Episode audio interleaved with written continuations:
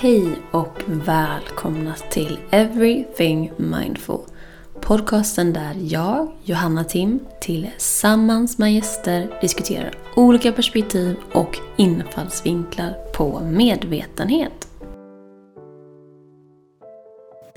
Hej och välkomna till dagens avsnitt. Idag så har jag med mig Jenny Jernberg, retorikcoach, mental tränare och föreläsare på sitt företag Speaking Flow. Välkommen hit! Tack så mycket, vad roligt att vara här. Och innan vi djupdyker lite mer i dig och din resa så skulle jag vilja att du börjar med att svara på den här poddens första fråga.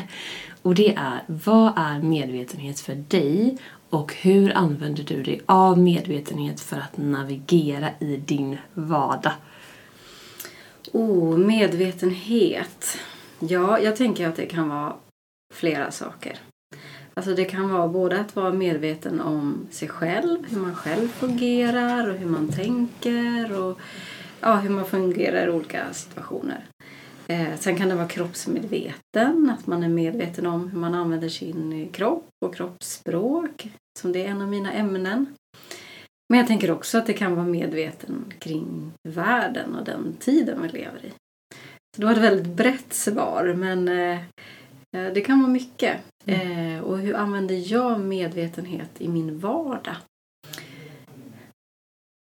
Jag tänker mycket för min egna del att jag försöker förstå hur jag fungerar och hur jag kan tänka för att på något sätt bli mitt eh, bästa jag, skulle jag säga. Mm. I olika situationer. Fint. Och du driver ju Speaking Flow. Mm. Eh, kan inte du berätta lite om vad det innebär, liksom, Speaking Flow? Vad betyder det för dig? Mm. Ja, men där jobbar jag med både retorik och kommunikation och mental träning då, eller coachning. Då. Och eh, det är, jag brukar säga att det är min lilla baby, det här eh, företaget. Eh, för att jag drivs så starkt av att faktiskt hjälpa människor med att eh, ta den platsen de vill och förtjänar och att hitta de där nycklarna till att eh, ja, komma vidare i livet eller utvecklas och komma över de där hindren. Ehm, och mycket på grund av min egna resa. Att jag, det är mitt lilla sätt att ge tillbaka till världen på något sätt. Mm. Du kan väl dela med dig lite av din resa, hur det kommer sig att du hamnade här. Du nämnde ju lite det att det var en del av din resa det här med just speaking flow, att komma in i det. Mm. Nej, men det börjar ju någonstans där i 18-20 års åldern. Jag, eh, jag ville bli skådespelerska.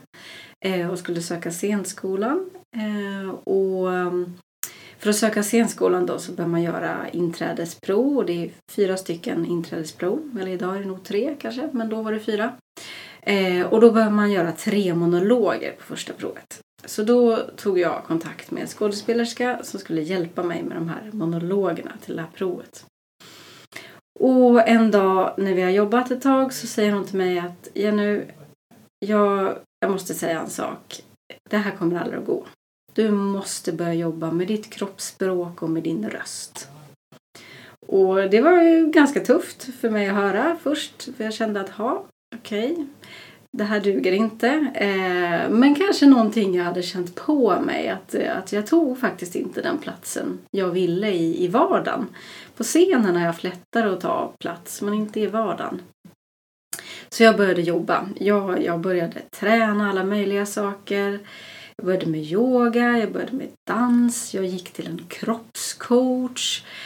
Eh, dansterapi, ja, massa olika saker. Wow. Jag gjorde verkligen allt liksom. Och jag läste på om det här med retorik och kroppen och psyket, hur det fungerade och ja, massa grejer. Eh, och eh, jag började även jobba med min talröst och min sångröst. Och, så och, eh, och då jobbade jag på Konserthuset i Stockholm och rev biljetter på kvällarna. Och en kväll så tänkte jag att ja, jag ska testa och se vad som händer. Om det här verkligen fungerar, allt det här jag håller på med. Så jag ställde mig där i, i dörren då och så sträckte jag på mig. Jag tänkte 10 kilo varje sko. Jag la ner rösten lite mörkare. Eh, och nu ser ju inte ni mig som lyssnar men jag, jag är inte jättestor och var inte jättestor då heller. Ganska kort och liten. Eh, och då såg jag också väldigt ung ut när jag var 20 år. Jag såg väl ut som 13 ungefär. Så att jag fick verkligen så här jobba. Så jag tog, stod där i alla fall och tog den här platsen. Och det kommer ett par emot mig. Och jag ser att det här är liksom några stammisar på Konserthuset. Eh, och stammisar på Konserthuset kan Ja men de känner sig så hemma så ibland går de in utan att se att det står någon i dörren eller de tänker inte på att visa biljett eller så. Men då tänkte jag att inte den här gången. Så jag står där, jag gör mig redo och de kommer emot mig. Och jag säger liksom med den här stadiga rösten så här. Hej! Välkomna! Nej, ni får inte gå in utan biljett. Gå till biljettkontoret. Och det som hände var att de lyssnade på mig. Och jag, det var ingen diskussion. De bara, okej, okay, ja, ja, och så gick de. Och det här blev liksom som en stor uppenbarelse för mig. Wow, kan människor lyssna så här mycket på mig? Bara vilken skillnad beroende på hur jag använder min kropp och röst. Så jag började testa det här liksom varje kväll på jobbet. Jag var ute på stan, jag var ute i butiker, jag reklamerade grejer. Jag, ja, du vet, och det var sån skillnad. Jag fick sån bra service och blev bemött på nytt sätt. Jag fick komma in till chefen på samtal. Han sa, Janne, jag vet inte vad som har hänt med dig. Du, du, du jobbar så bra och kunderna tycker du är så tydlig. Och, ja, det har varit verkligen liksom skillnad. Och, wow, alltså. ja, och jag växte ju som person. Jag kände ju att liksom, nu öppnas en helt ny värld för mig. Liksom. Eh, så där, där föddes tanken och så tänkte jag att ah, det, här, det här måste jag lära ut någon dag till människor. Att bli medvetna om det här. Mm. Alltså wow, rysningar. Ja. också bara liksom att du vågade också göra det och testa det. För ofta är det väl så att vi lär oss någonting mm. och så hamnar det i intellektet och sen så tar vi inte ner det till kroppen. Vi praktiserar det inte, vi gör det inte. Nej. Men att du faktiskt gjorde det och att du fick sånt gehör för det också. Ja. För då blir det på något sätt också en extra eh, morot att fortsätta när man ser att wow, det här är verkligen skillnad. Mm. Men det var framförallt då att du kände att du fokuserade på dina fötter, du kände dig tung. Precis, jag, jag, jag liksom sträckte på mig och öppnade upp eh, liksom bröstkorgen. Så jag tog liksom mer plats fysiskt. Mm. Jag stod nog kanske lite mer bredbent än vad jag hade stått innan också. Mm. Så jag, jag verkligen tog mer plats fysiskt. så. Eh, och jag hade haft ganska mycket problem faktiskt med min, min rygg och nacke. Att jag var väldigt mm. så, spänd och sådär. Så jag gick ju till ja, men, en del av det här gick till naprapat och ja, du vet allt sånt där. Och, och bara det då när jag började jobba med det här, jag började jobba med min andning också då för röstträningen. Mm. Så släppte spänningarna i, i nacke och axlar. Jag hade inte lika ont längre som jag hade haft innan. Mm. Så det var liksom så många grejer som bara liksom föll på plats. Det var liksom ett snöbollseffekt låter ja. nästan som. Ja. Men jag tänker också att många har ju problem med att kanske sträcka på sig och vad som händer, alltså blir bieffekter av att mm. man inte då står i den positionen som egentligen är mest naturlig för kroppen mm. eftersom att vi är väldigt stillasittande. Mm. Eh, men om det är så att någon person känner kanske att man är en sån som kanske inte tar så mycket plats eller att man tycker att det är jobbigt av olika anledningar mm. eller man är inte van vid det, vad som helst. Mm. Vad skulle du skicka med för tips till en sån person då? Mm. Där, eh, jag jobbar ju på två sätt då. Både utifrån och in och inifrån och ut. Alltså utifrån och in genom att anta det här säkrare kroppsspråket. Alltså öppna upp, sträcka på sig. 10 kilo i varje sko. Känna att liksom, du, du, du är grundad och du tar plats med din kropp.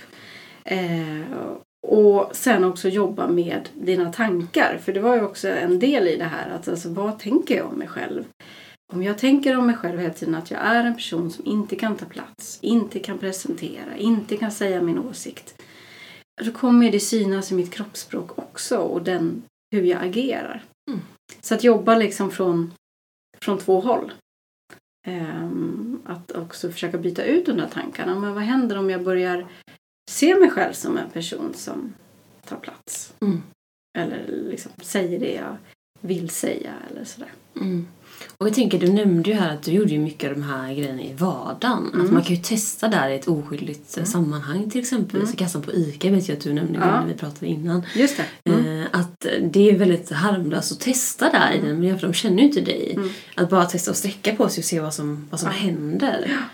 Mm. Gå fram och fråga om mjölken och så Mm. gör man det med lite mer stadig röst och liksom det här lite mer öppna kroppsspråket. Mm. Jag lovar er, det kommer bli skillnad. Jag, det, jag har testat det på många klienter och alla kommer tillbaka och bara oj vilken skillnad det var. Du nämnde också någonting det här med att eh, sänka rösten, att gå ner Mm. mer i djupet. rösten. Vad, vad Mm. innebär det egentligen? Mm. Såklart då lite beroende på vilken typ av röst man har och hur man pratar. Om jag utgår från mig själv då så hade jag man säger, problemet med att jag, jag pratade lite för ljust för vad som egentligen var bekvämt för mitt läge. Mm. Eh, och det är väldigt vanligt hos oss kvinnor att vi pratar lite för ljust. Eh, män pratar kanske lite för mörkt ofta så det är liksom så.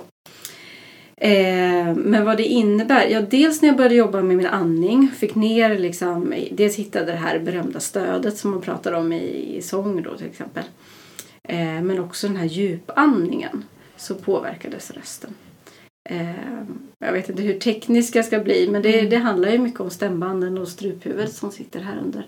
Mm. Att när vi har en hög andning så åker struphuvudet upp och då blir rösten lite mer spänd och kanske lite ljusare också. Mm. Jag tänker att det blir jobbigare att prata långvarigt om man har alltså, överansträngda spännband då, eller stämband Mm. eh, såklart. Ja. Ehm, men intressant. Men hur kan man hitta sitt naturliga läge? Där får man ju testa sig fram lite grann. Nu gick jag hos eh, talpedagog eh, eller logonom då som det också heter mm, ganska länge ändå och även sångpedagog. Ehm, och då, då, då testade ju vi liksom olika tonlägen och, och eh, jag, liksom jobb, jag hade också en ganska eh, kraftig, kraftig skarv som det heter i rösten. Eh, nu blir det lite sångteknisk här men eh, vi har liksom en, en, eh, ett röstläge så eh, hur ska jag förklara det här så att det blir förståeligt? Eh, nej men om man sjunger till exempel så går man över den tonen så kan det liksom knixa till lite när man Mm. sjunger då. Mm. Eh, och jag hade en ganska tydlig sån skarv och där låg jag och pratade. Eh, så det, låg, det var lite så här, det var lite wobbligt så här när jag pratade. Mm. Så när jag hittade ner rösten liksom under det här Mm. eh, så blev det också lättare för mig att eh, prata lite högre. Mm. Det blev lättare att ta i när Mm. jag pratade. Ehm, och eh, jag tror att det här mycket kom ut efter, för faktiskt även kvinnor kommer i målbrottet. Det är inte så många som Mm. vet det. Men eh, vi gör det också. Och jag tror att det här kom lite efter det. Mm. Att jag hittade aldrig min röst efter det. Gud vad intressant! Ja. Jag hade verkligen, alltså jag kanske har hört det någonstans, det kändes ändå be- vagt bekant. Mm. Men det är inte så att jag har tänkt på men hur påverkar målbrottet min röst? Ja. Men också det här med röstläge, vilket är ens naturliga röstläge. Mm. Och jag tänker det, det som du säger nu, allting hör ju verkligen ihop. Mm. Dels då med andning men också så här, hur vi står, hur vi rör oss och hur vi liksom för oss och Mm. hur vi pratar. Mm. Och jag tänker att det kan ju på många sätt vara en utmaning för många att komma ner i kroppen eftersom att vi lever i ett samhälle som är så mycket i huvudet. Ja. Mm. Hur kan man göra då liksom? Om man kanske inte ens har varit i sin kropp och då låter det rätt konstigt att vara i sin kropp. Mm. Men jag är bland annat en person som är så himla mycket i mitt huvud och sen har jag stunder där jag så här, wow, kommer ner i kroppen och känner jag så här, men gud jag är lite spänd. Det är inte så skönt att vara i min kropp. Mm. Eh, och det är någonting som jag får träna på så mycket, att verkligen blanda ner i kroppen. Mm. Eh, men hur skulle du säga att om det är så att man känner att man är en person som mig då, som är väldigt mycket i huvudet och vill komma ner mer i kroppen. Mm. Eh, för att liksom ta del av den intelligensen också som Mm. ändå kroppen för med sig och vad den kommunicerar ju så mycket mer än bara det vi säger. Verkligen. Och, och där var en av mina liksom startnycklar om man säger till det här. Det var yogan. Mm. Eh, Jag gick iväg och köpte en DVD som man gjorde då på den tiden. Nu känner jag mig gammal här när jag säger det. Men eh, då köpte jag en DVD. Köpte yogamatta. Så började jag yoga varje dag hemma. Och det var också en stor ögonöppnare för mig. För då var det så här, jag skulle bara ha fokus på andningen. Andas in, andas ut. Samtidigt som jag gjorde rörelserna. Och helt plötsligt så försvann världen. Och jag var bara i min kropp. Och så hade helt plötsligt en halvtimme gått. Eh, och det var sådär, det var fantastiskt för mig att få upptäcka det. För jag är också en sån här person som är ganska mycket i huvudet liksom och tänker mycket. Eh, men alltså bara andas in, andas ut. Det var det enda jag tänkte på. Eh, så jag, yoga och för mig då lite mer fysisk yoga som var lite mer utmanande. För det som hände när jag började med yogan också var att jag blev lite starkare vilket gjorde att oj, jag har faktiskt en stark kropp. Mm. Ehm, och det gjorde också att jag växte. Att jag kände att jag hade lite styrka. Mm. Och yogan är ju mycket med hållning också. Mm. Ja. Och liksom eh, mer, alltså det är på något sätt statiskt kanske mer än pump liksom på Ja. gym. Ja. Mer att stärka inifrån. Och, Mm. Ja men gud vad spännande. Eh, Men du har varit inne lite på alla de här olika delarna men jag tänker eftersom att den här podden handlar mycket om just medvetenhet Mm. så jag ställer en fråga kring medvetenhet. Mm. Eh, Och hur skulle du säga att medvetenhet har eh, Eh, alltså på vilket sätt snarare har medvetenhet spelat roll i din utveckling som retorik och mental träningscoach? Mm. Ja, det är väl det är väl egentligen hela allt det här grundar sig på. Det, alltså, det är ju en medvetenhet egentligen. Att bli medveten om vad jag kommunicerar och hur jag kan påverka vad jag kommunicerar. Um, som att, eh, ja men jag, jag, jag eh, kanske inte lika mycket längre men eh, som jag lär ut till mina klienter nu börjar att bli medveten om mig själv och mitt kroppsspråk redan innan utanför huset. När jag ska gå in på det där viktiga mötet. Då hittar jag liksom, eh, ja men som i början då, retorik-Jenny liksom. Då hittar jag retorik-Jenny kroppsspråket och rösten.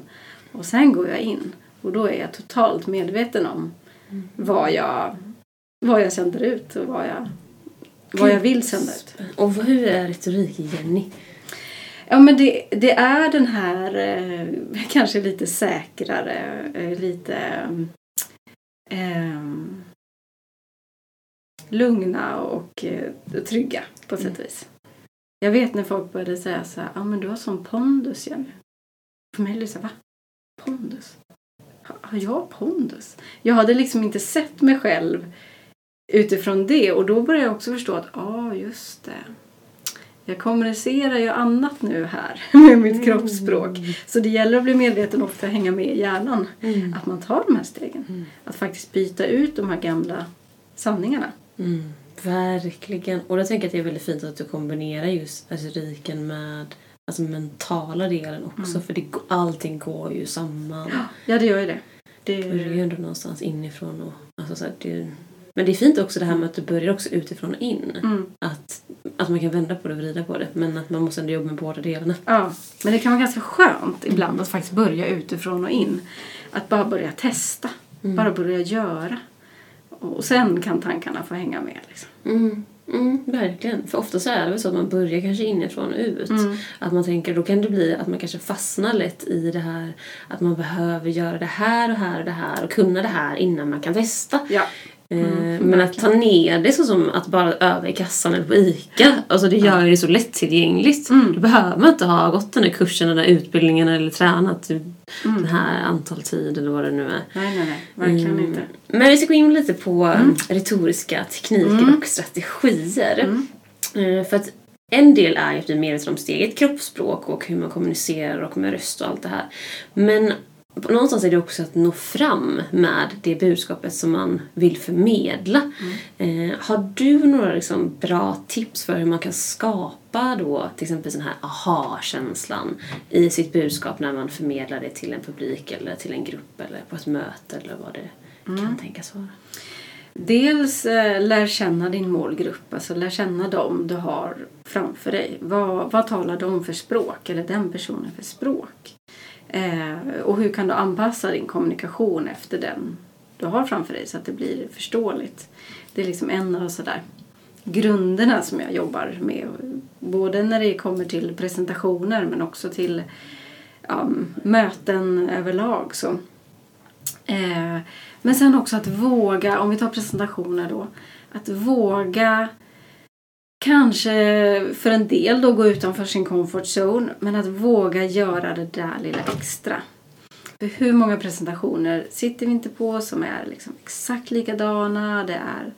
Men tänk då om du eh, har den, din vanliga presentation men du börjar med en retorisk fråga eller du börjar med ett citat som du sen besvarar i din presentation. Eller en story, storytelling eller så. Alltså någonting som väcker intresse. Mm. Eh, jag hade en klient som, som eh, och, och, den här personen höll möten varje vecka och eh, hade väldigt svårt att få dem på mötet att, att lyssna. För alla visste att nu är det det här veckomötet. Liksom, så här. Och så bytte vi ut eh, hur den här personen startade mötet. Att den tog en, liksom, en nyhetshändelse från den branschen som personen var i. Och helt plötsligt bara ändrades allt. Eh, och folk tyckte att det var intressant eller det blev skratt och diskussioner. Och det var liksom en helt annan stämning på hela det här två timmars mötet de hade varje vecka. Mm. En sån liten grej liksom. Mm. Ja, men någonting som ändå lockar till och också tänker att vi är så distraherade med så mycket i liksom, dagens samhälle. Mm. Så det är ju också så här, hur kan vi fånga fokus? Mm. Att få folk att vilja lyssna, att bli intresserade. Mm. För att man kan ju sitta där utan att ta in någonting egentligen. Ja. Och ha engagemang, alltså i vad du än presenterar.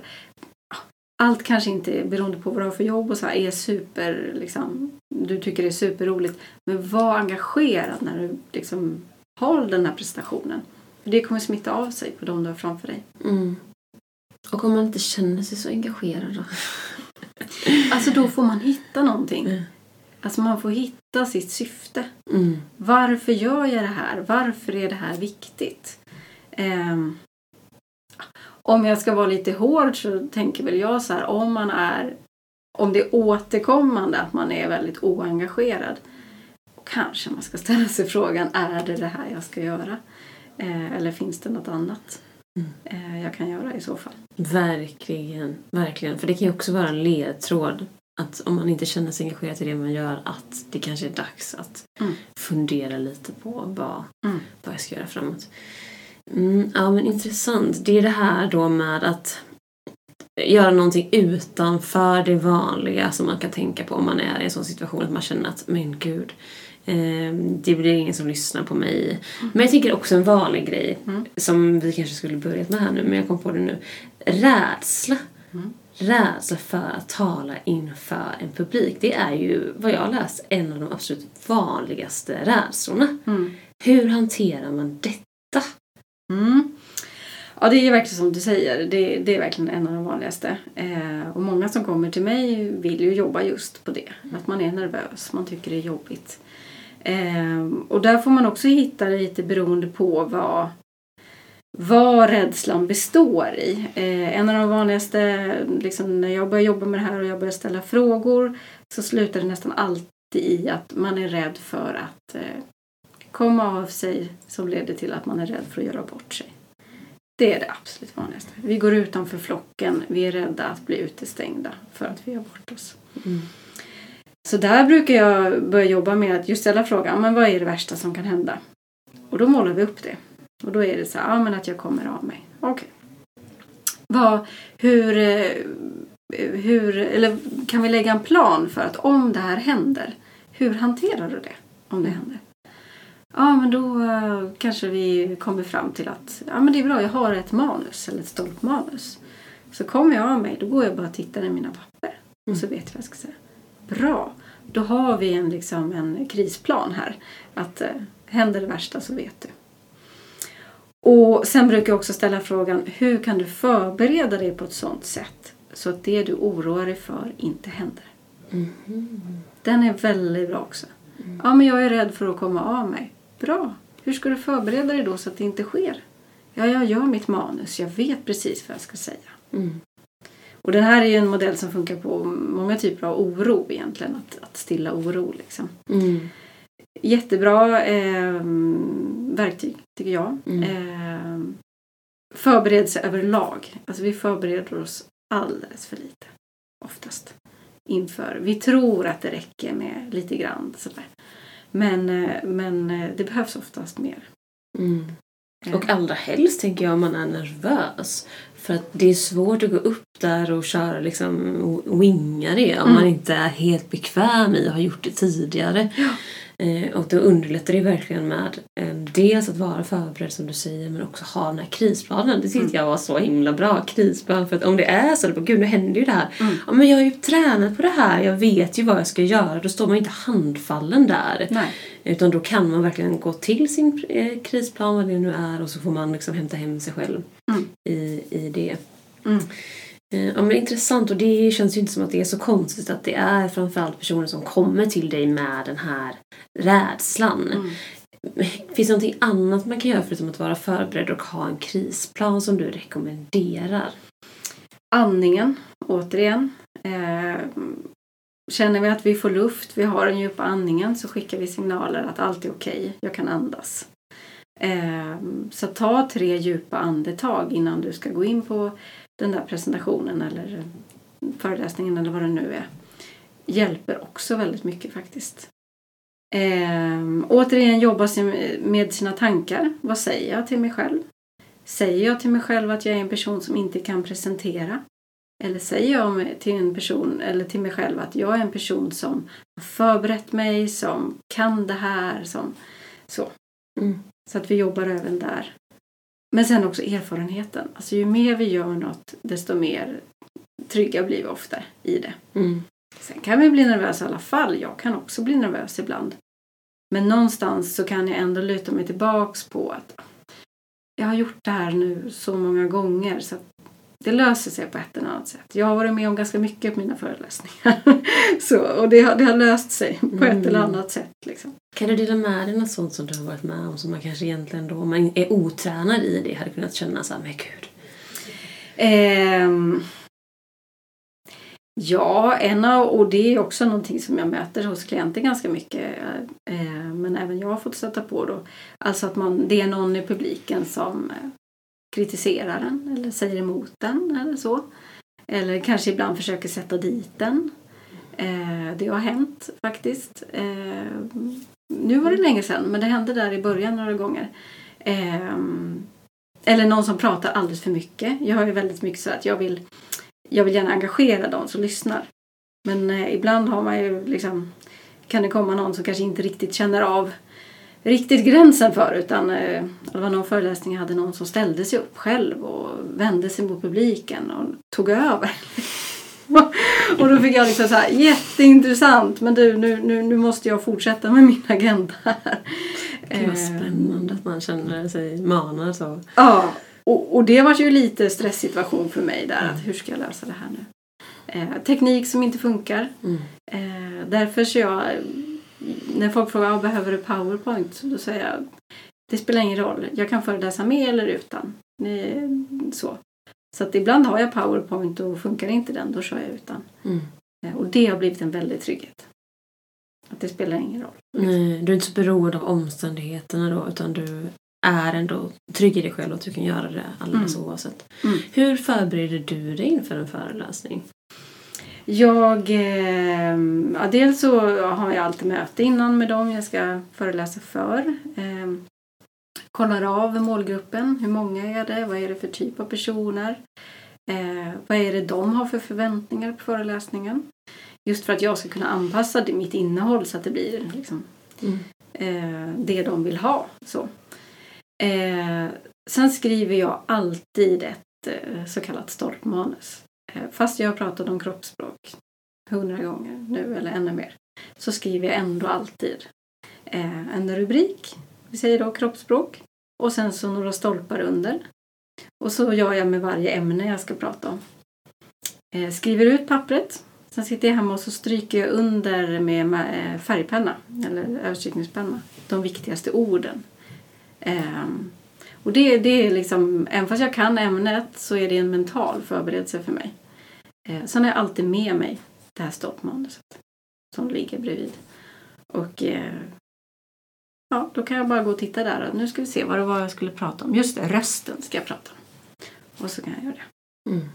skönt att ha någonting att liksom landa tillbaka på när, om det är så man känner att man blir nervös eller kommer av sig eller vad det nu än kan vara. Mm. Att man känner att man kan gå tillbaka. Men rekommenderar du stolpmanus framför liksom ett utskrivet liksom ord för ord? Eh, egentligen så brukar jag säga så här. Börja med att skriva ett ord för ord manus. Börja där. Eh, speciellt om du är liksom ny på det du ska prata om. Eh, sen skriver du rubriker över varje stycke utifrån vad varje stycke handlar om. Eh, för sen kan du göra så att när du väl står där och ska hålla föreläsningen då har du bara de här rubrikerna som ditt manus. Ehm, så det, det tycker jag brukar vara en bra grej för då, även om du inte säger ordagrant det som står i manus, du har fått den här tiden att verkligen tänka efter vad du ska prata om. Mm. Ja, och jag menar, jag själv har tyckt att det varit så himla jobbigt att prata inför en publik och jag har verkligen tränat på det här nu då eftersom att jag känner att jag har någonting som jag vill säga.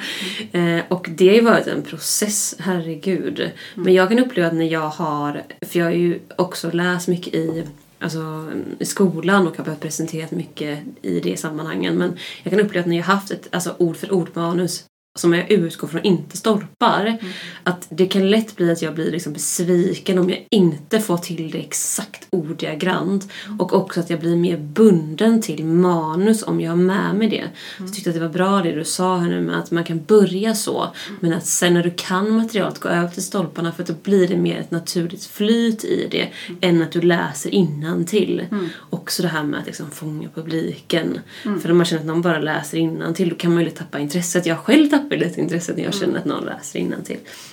Så att det tycker jag verkligen var en bra grej att du sa att man kan börja så med ett manus och sen så kan man gå över till stolpar med det viktigaste. Och man kan ju ha fler punkter också om man känner att man vill liksom landa in. Absolut. Ja, det, det har jag ofta. Jag har mm. ofta en rubrik och sen har jag några, mm. några punkter under lite underrubriker eller vad man ska säga. Mm. Och jag har också hört en grej i och med att den här retorikkursen som jag läser nu då att om det är så att man känner att man är väldigt nervös så kan man börja ha kanske ord för ord i början på bara inledande delen för att oftast är det ju eh, som pirrigast de första typ 90 sekunderna. Mm. Och sen går ju det eh, ofta över. Hur tänker du kring det?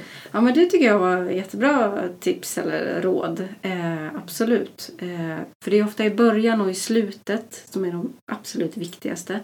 I början vi vill fånga våra åhörare, vi vill få en bra start.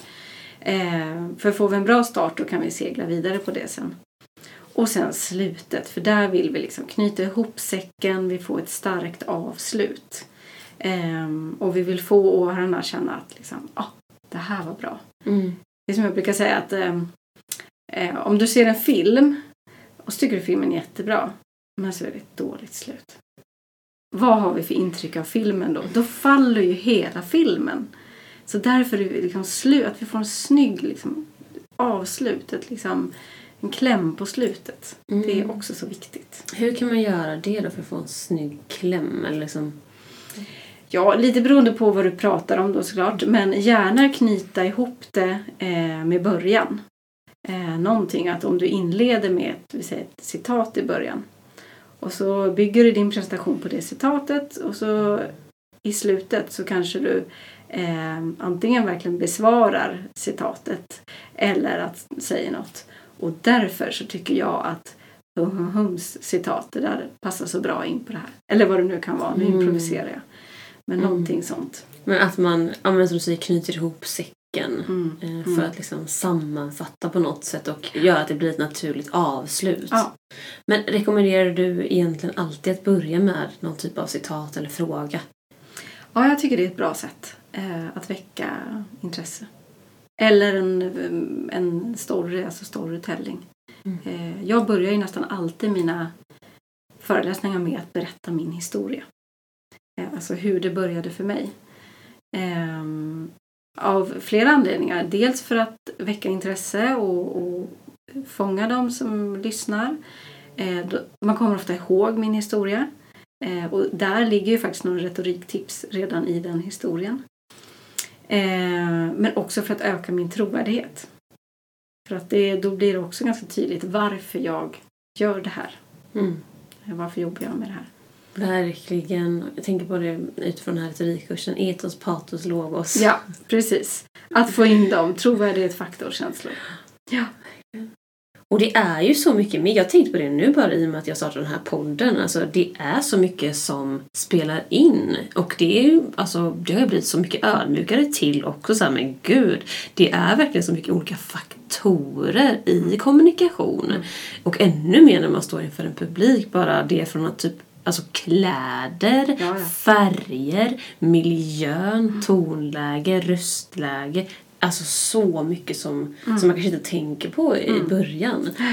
Eh, Och det är lite konstigt att liksom våra ja, men statsmän och kvinnor får liksom träning i, i det här. Ja, visst. Och varför går liksom vissa politiker, om man säger så, genom rutan? Eller vissa, varför blir vissa personer liksom eh, kanske extra omtyckta av den stora massan och så vidare? Det är, många kan ju det här med, med kommunikationen eh, och, och tänker på de här sakerna. Mm, verkligen. Men jag tänker, finns det någonting just i det här med kommunikation som du skulle säga är ja, men det här är det viktigaste? Finns det något sånt? Oj. Det är många, många liksom delar som du säger som, som samspelar. Ehm, genuinitet kom jag på nu. Mm. Alltså att man är genuin och engagerad. Som jag pratade om innan. Mm. Alltså för ser du en person som verkligen liksom pratar engagerat och genuint om någonting. Då är det ganska svårt att inte dras in själv i, i det ämnet. Vi har ju lite också sån här bullshit-detektor för när någonting inte känns helt hundra. Mm. Eh, jag vet att nu i den här kursen som jag läste så tog de ett exempel på mm, den här historien om Sverige. Mm. Att han har tydligen fått ganska mycket kritik för hur han betonar vissa ord. Ja. Och att han kan se väldigt glad ut och så här, prata med ganska så här, glättig röst. Ja, ja, ja. När han pratar om typ ehm, alltså saker som har varit ganska så här brutala och råa i historien. Ah, okej. Eh, så också så här att, vara, att det speglar också den känslan man pratar om. Och det är också någonting med det här med genuinitet eller autenticitet. Mm. Eh, att verkligen vara så här, okej men den här känslan, så här, att man verkligen visar den och att man är i den. Och att man inte liksom, eh, bara säger orden på något sätt. Att man ger mening till orden. Verkligen. Ja, men det är ju, så är det ju verkligen. Ja, vad intressant det där. Nej, men så, är, alltså, om du, så är det ju verkligen. Om du, det har man ju stött på ibland sådär. Servicepersonal. Eh, nu kommer inte jag ihåg exakt vilket sammanhang, men jag hade ganska nyligen någon person som sa till mig, den gav mig ett, ett, ett, ett dåligt besked för mig. Men sa det väldigt glatt. Och jag tänkte så här, där står du och ler. Liksom. Det här var inte bra för mig. så. Och att där blev det liksom lite fel. Att det Mm. blev så där, jag förstår ju att personen ville ju vara trevlig och ville vara så. Men det vart fel i den situationen. Liksom. Mm. Ehm, så att, att faktiskt anpassa budskapet efter eller liksom det, man, det man säger. Mm. Ehm, alltså gjorde jag när jag jobbade som skådespelare. Då, om jag hade en replik, eh, bara kort hur jag jobbade apropå betoningar. Då satt jag och testade varenda ord i meningen och betonade det. För att hitta rätt betoning, för att det skulle låta autentiskt. Eh, som jag säger, eh, jag heter Jenny. Jag heter Jenny. Jag heter Jenny. Alltså det blir tre Mm. olika innebörder. Verkligen. Så att, eh, att, att, att ha rätt betoning på, speciellt om man läser från ett manus eller så, det är jätteviktigt. Och där återigen då, de här förberedelserna blir ju helt plötsligt så mycket större när man tänker på allt det här. Ja, ja. ja, till och med när jag jobbade som skådespelare så förutom betoningen så skrev jag under varje, eh, varje replik så skrev jag min tanke, vad jag tänkte när jag sa repliken. Eh, budskapet eller jag tänker egentligen på det här men jag säger det eller så. Ja, för det är väl också det som är det viktigaste. Vad är det man vill säga? Vad är det jag vill säga? Och det kan jag uppleva själv att eh, det kan liksom komma lite sekundärt när man är i någonting. Man börjar med en tanke om vad man vill göra och sen så bara Oh, blir det väldigt stort helt plötsligt och så tappar man bort det där. Vad var det egentligen? Vad är det jag vill säga med det här? Ja. ja. Och det måste jag då haka på apropå budskap och det, det är också någonting jag jobbar mycket med när det kommer till nervositet. Eh, att försöka få personen att fokusera på sitt budskap. Alltså vad är det viktiga här? Vad är det du vill förmedla? Eh, för att det är så lätt att när vi är nervösa och kanske lite självkritiska då börjar vi se varandra eller se oss själva utifrån. Och så börjar vi se oss själva. Ja, ah, men nu ser jag ut så där eller nu tycker nog de så här om mig. Ja, det är klart vi tappar närvaron och vi tappar bort oss i texten. Mm. Eh, så där att verkligen försöka jobba hela tiden tillbaks till mig själv. Vad är det jag vill förmedla? Vad är det viktiga här? Mm. Och vad är det? Och att verkligen stå stadigt i det. Jag tänker det var det som var så fint just för att du nämnde 10 kilo och har deras skor. Ja. För att annars är det ju så himla lätt att säga men gud, den gjorde en sån min eller gäspade. Var det för att jag? Att man liksom går in i det och det kanske inte har med dig överhuvudtaget för den personen kanske har sovit dåligt för den är småbarnsförälder. Ja, ja verkligen. Ja. Eh, Att man verkligen får stå stadigt i det då. Mm. Eh, Och jag tänker också kring det här som vi pratar lite om nu med vad är det du vill säga? Budskapet. Mm. Hur tänker du kring det? Hur kan man utforma liksom för att på bästa sätt fånga eller liksom inte fånga men kanske snarare kommunicera budskapet? Mm. eh, ja, det är också då såklart beroende på vad man, vad man pratar om. Att hitta kärnan i det. Vad är det viktiga i den här? Det jag vill säga, det vill jag kommunicera. Och att det på något sätt får, får genomsyra egentligen det man, man presentationen eller det man pratar om. Eh, också ställa sig kanske frågan vilken ton vill jag ha? Så vilken kan vilja kommunicera ett, eh, det här budskapet med en kanske mer eh, mjuk och varm ton eller vilja vara mer, lite mer tuff i den här situationen? Eller, att det kan man också jobba med. Vad- är det för typ av situation? Vad krävs här? Och så vidare. Mm tänker att varför har vi inte mer retorik i skolan? För det är så väsentligt. Ja, det frågar jag mig också. Ja. Och speciellt idag faktiskt. Det har blivit viktigare och viktigare idag.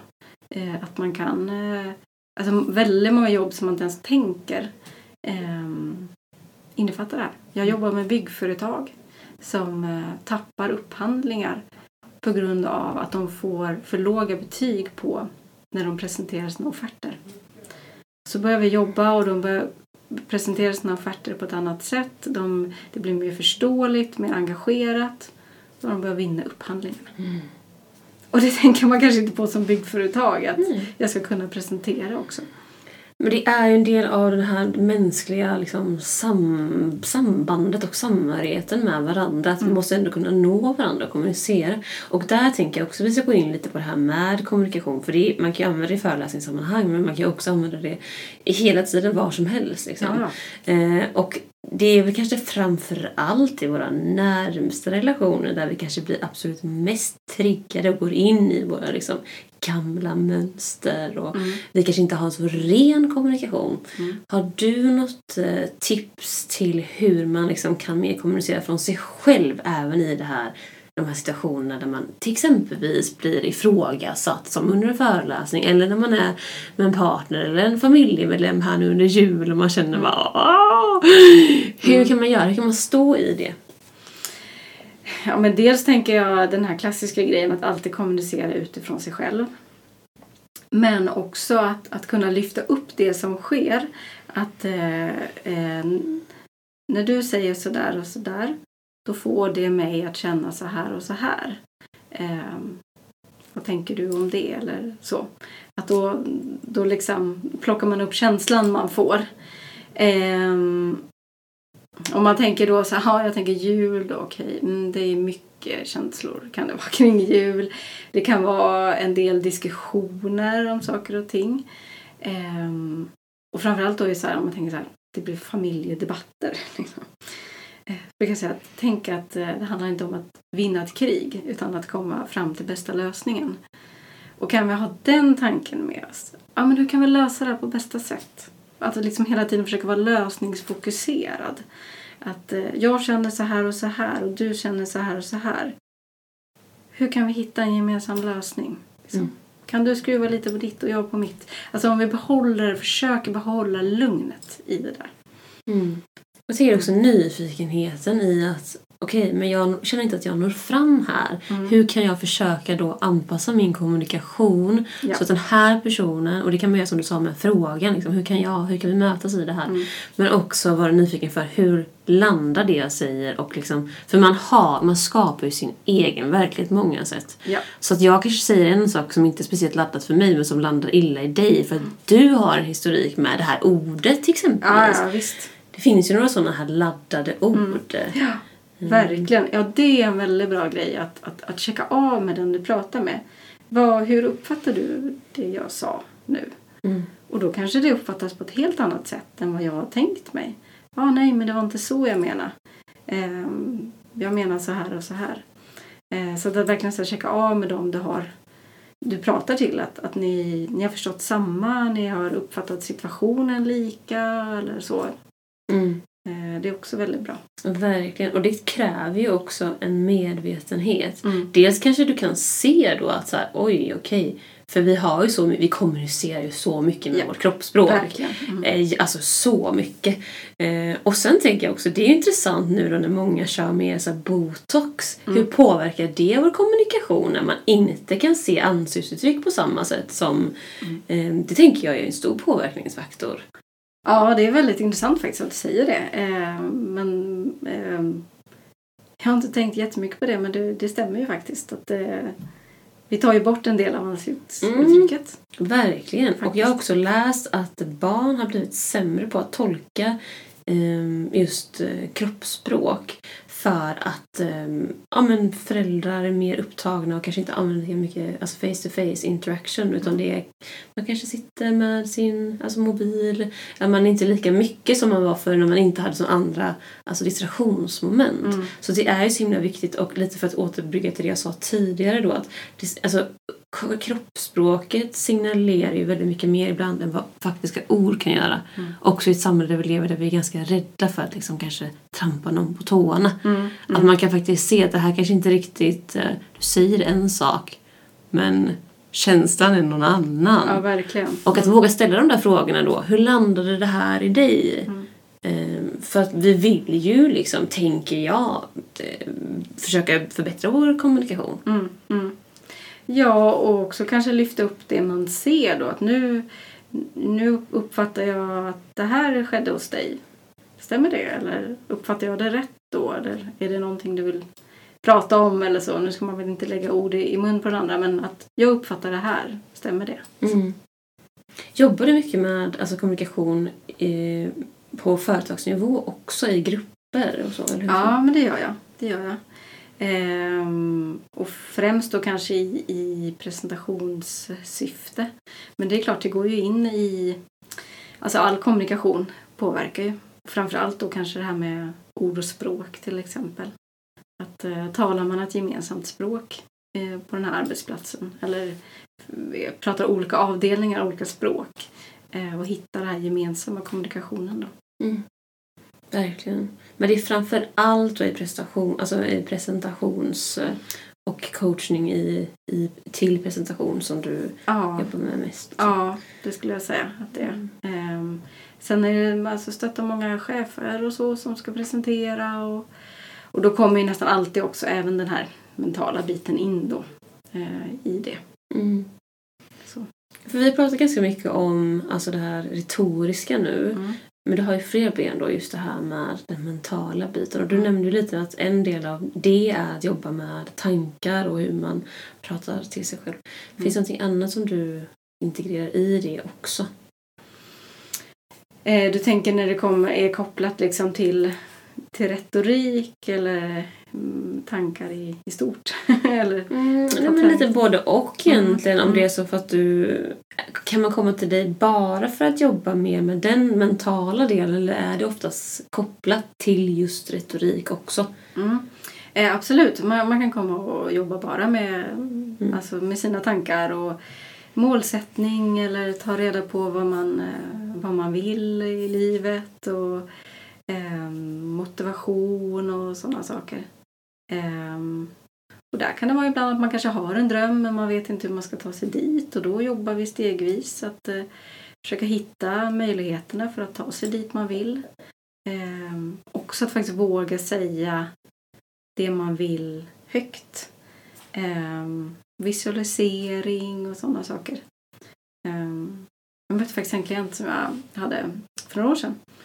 Eh, för ett tag sedan. Och eh, hon beskrev en, en situation, bara sådär berättade om sin, sin vardag. Och då sa jag, minns du att den där eh, situationen berättade du, drömde du om för mig för ungefär tre år sedan när vi jobbade ihop? Och hon bara, oh, just det, jag är ju där. Jag är ju där nu. Så hon hade nästan inte tänkt på att precis den situationen som hon hade målat upp i liksom, klientrummet berättade hon för mig nu att hon mm. var i. Liksom. Gud vad fint. Och också kunna lyfta det att man faktiskt har nått hit. Nu mm. är ju du här där du ville vara. Mm. Eh, men det är intressant också för det här med mål. Mm. Eh, jag läste en artikel kring det här med att vi människor är generellt sett ganska dåliga på att sätta mål. Mm. Och om vi inte har ett mål så är det också svårt att veta hur vi ska ta oss dit. Mm. På vilket sätt skulle du säga att mål är en viktig del i, i den här resan? Jag tycker att den är jätteviktig. Att kunna eh, sätta var man ser sig själv om ja, år eller månader eller veckor eller vad det nu kan vara. Ehm, och faktiskt verkligen måla upp det målet. Ehm, och varför vill jag komma till det här målet? Ehm, vem är jag då? Till exempel om jag har kommit hit. Då har vi någonting att liksom jobba mot och ibland jobbar vi också undermedvetet mot det målet. Så att inte vara rädd för heller att, tycker jag, sätta för, eh, liksom höga mål. Att våga göra det. Såklart ödmjuk för att jag kanske inte kommer ända dit. Jag kanske inte kommer till månen men jag kommer halvvägs. Liksom. Men att våga, liksom, våga drömma stort. Mm. Du nämnde lite här med visualisering tidigare. Mm. Det är något som jag tycker är väldigt intressant. Men kan mm. inte du berätta lite om din infallsvinkel på hur du jobbar med visualisering i samband med dina klienter och målsättning? Och... Mm. Ja men det är att eh, till exempel en övning som jag gör det är att ställa sig på målet. Vi, vi gör det fysiskt i, i rummet. Vi ställer, klienten får välja en plats. Här är målet. Så ställer sig klienten där och så eh, kanske man blundar och så målar man upp bilden. Hur ser det ut när jag är på mitt mål? Eh, hur känner jag när jag är där? Eh, vad känner jag för dofter? Vad, eh, vad är det för färger som sagt? Eh, vad säger jag till mig själv? Det är också väldigt bra när jag är där. Så målar vi upp hela den målbilden. Eh, sen gör vi så att då vänder vi oss om. Vi står på målbild så vänder vi oss om så tittar vi mot idag som jag brukar säga. Och så hoppar man ett steg fram. Vad gjorde du precis innan du hamnade på målet? Och så gör vi så i några steg tills vi är framme idag. Mm. Helt plötsligt står vi idag och tittar på hela vår handlingsplan fram till målet. Mm. Det är väldigt effektivt att börja från andra hållet. Gud vad spännande! Alltså att du börjar som sagt från målet tillbaka. Mm. För oftast börjar man ju, tänker jag, från där man är nu och fram. Mm. Men det är väl också ett sätt, och det är här något som jag blivit väldigt intresserad av nu det senaste eftersom att forskning har ju visat att du använder samma område i hjärnan när du visualiserar mm. som det faktiskt skedde i verkligheten. Mm. Din hjärna kan inte skilja på vad som är vad. Och att då föreställa sig att du redan är där, då går du på något sätt in i den energin, i den personligheten, hur man gör, hur man beter sig, hur man för sig, ja. hur man ser ut, allt. Mm. Vad man känner. Mm. Eh, och att kroppen då tror att man redan är där. Mm. Eh, så superintressant att det börjar eh, åt det hållet. Eh, upplever du att det kan vara svårt för de här personerna att se konkreta steg? jag upplever att det är lättare när man börjar på målet och ser fram till idag. Faktiskt. Mm. Ehm, för ofta kan det vara om man står idag och ska se framåt. Då är det så, åh, oh, det är så mycket och jag vet inte. Men om man står på målet, så men vad gjorde du precis innan? Ja, men då fick jag anställning där. Ja, men då, det är någonting som lossnar då på något sätt. För då är vi redan på målet. Ja.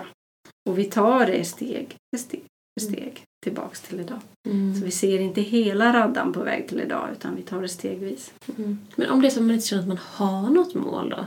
Så att de allra flesta kan känna igen sig att man har varit i perioder där man är så här, men gud, jag vet, jag vet inte vad jag vill, jag vet ingenting. Mm. Vad, vad kan man börja med då om man skulle befinna sig där? Eh, där, att gå in i ett utforskande i så fall, skulle jag säga. Att utforska. Vad är det du, Eh, vad är det du mår bra av? Vad är, vilka situationer känner du att här är jag levande eller här får jag energi? Att börja leta i liksom de regionerna. Eh, prata mycket med människor. Eh, försöka samla på något sätt information, erfarenhet. Eh, för att på något sätt hitta någonting. Var, alltså som sagt, var någonstans var kommer den här lilla nerven som jag brukar prata om? Vad känner jag liksom att... Jag brukar prata om ibland så här, när glimrar livet till? Liksom. Mm. Där känner man att, oh, där, där fanns det någonting. Mm. Ja, kanske är där du ska börja leta. Mm, precis, för det blir som att det är en liten ledtråd till att här finns någonting som du tycker är genuint kul. Mm. Och också skala bort så här, vad tycker andra, utan vad tycker du? Mm. Bortom alltså på något sätt samhällsnormer och alltså lite floskler liksom kring Ja. att så här borde jag, det här borde jag vilja. Det är ju inte för alla, allting är inte för alla. Eh, att, mm, väldigt fint att lyssna till det här när glimmar det till. Mm.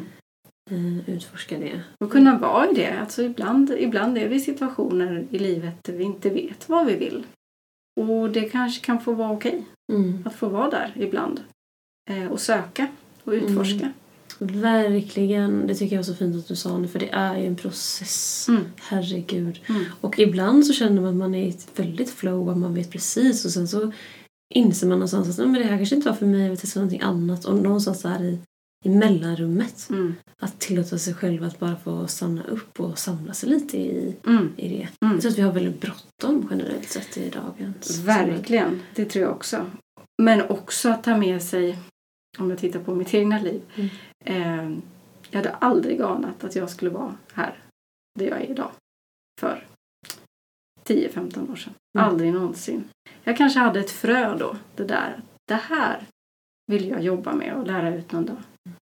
Men jag hade ingen aning om att jag skulle bo där jag bor eller leva det livet jag gör eller ha eget företag. Det visste jag inte. Nej. Och om man sammanfattar det så är det verkligen, vi har ingen aning. Så är det faktiskt.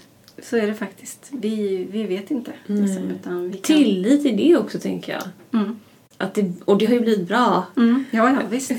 Så att, eh, att man lär sig också under resans gång. Mm. Och, det fin- alltså, och olika beslut och vägval leder till olika saker också. Jag Ja. träffade en person som led, Jag tyckte det var så fint här när du berättade om hur du började springa. När du, för du löper ju också. Just det. Ja, ja.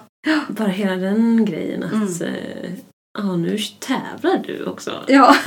ja, det hade jag ju aldrig tänkt mig då för bara fem år sedan. Att jag skulle liksom vara så liksom, engagerad i det här med löpningen och ägna så mycket tid åt det. Och det är väl också ett sätt att mentalt liksom, slappna av, tänker jag. Ja, verkligen. Så vi vet ju inte, vi har ingen aning, alltså vi har ju verkligen ingen aning och att landa någonstans i tilliten i att det som är, är och att man också får tillåta sig själv att stanna upp och ta lite tid. Mm. Ehm, Men avslutningsvis då. Finns det några sista tankar eller råd som du skulle vilja skicka med lyssnarna när det gäller att odla just en medvetenhet kring retorik och mental träning? Mm. Fundera över ditt kroppsspråk. Skulle jag säga. Vad kommunicerar du i olika situationer? Våga testa. Hur blir det om jag gör så här och så här? Ehm, förbered dig, som vi har varit inne på. Förbered dig så mycket du kan. Eh, våga kasta dig ut och gå utanför din comfort zone, för det växer vi av. Eh, I stort och smått. Så våga säga ja till det där presentationen eller den där andra utmaningen. Eh, det är något jag har gjort jättemycket också. Bara kastat mig ut i saker och ting.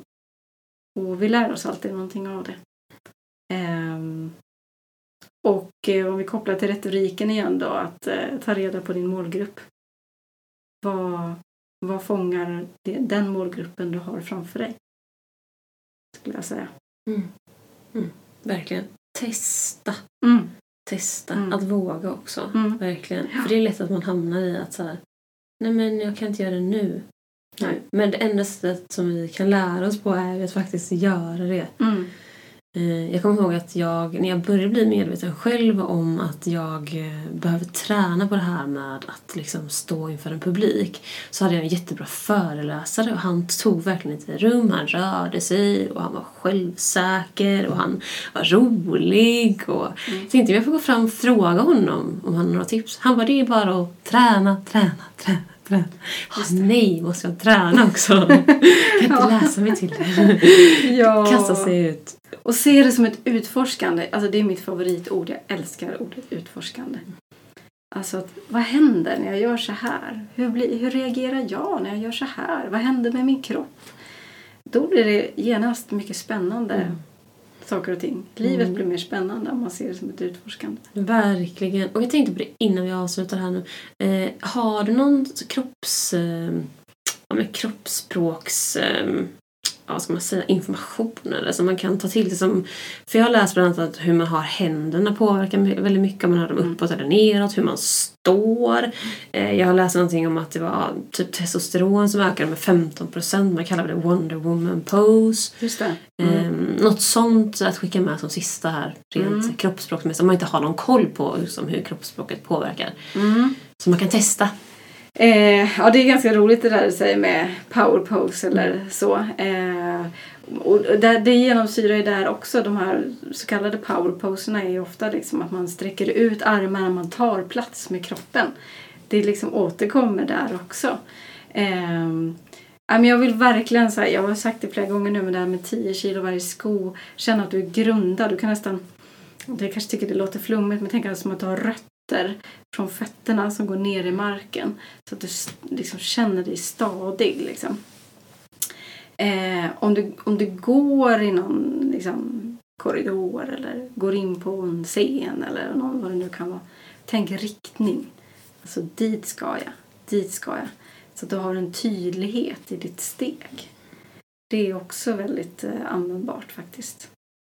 Eh, och sen de här klassiska sakerna att verkligen så här, öppna upp kroppen, sträck på dig. Liksom. Mm. Upp med bröstkorgen liksom, så att du känner att du liksom, kan andas bra och få plats. Liksom. Mm. Mm. Ja, men fantastiskt. Eh, är det någonting mer som du tänker så avslutningsvis som du känner att du liksom skickar med? Eller, vi har ju pratat ganska mycket om vad man ska tänka på men om det är något sista ord innan vi rundar av här. Um, Våga, ska jag säga. Våga testa, våga göra. Våga utforska. Eh, för det kommer att växa upp. Det är väl det sista jag skulle vilja säga. Mm. Fint. Ja, tack så jättemycket Jenny för det här samtalet. Tack själv. Och det var allt för dagens avsnitt. Vill du komma i kontakt med Jenny så hittar du länkar i avsnittsbeskrivningen. Ha det så bra så länge. Vi hörs!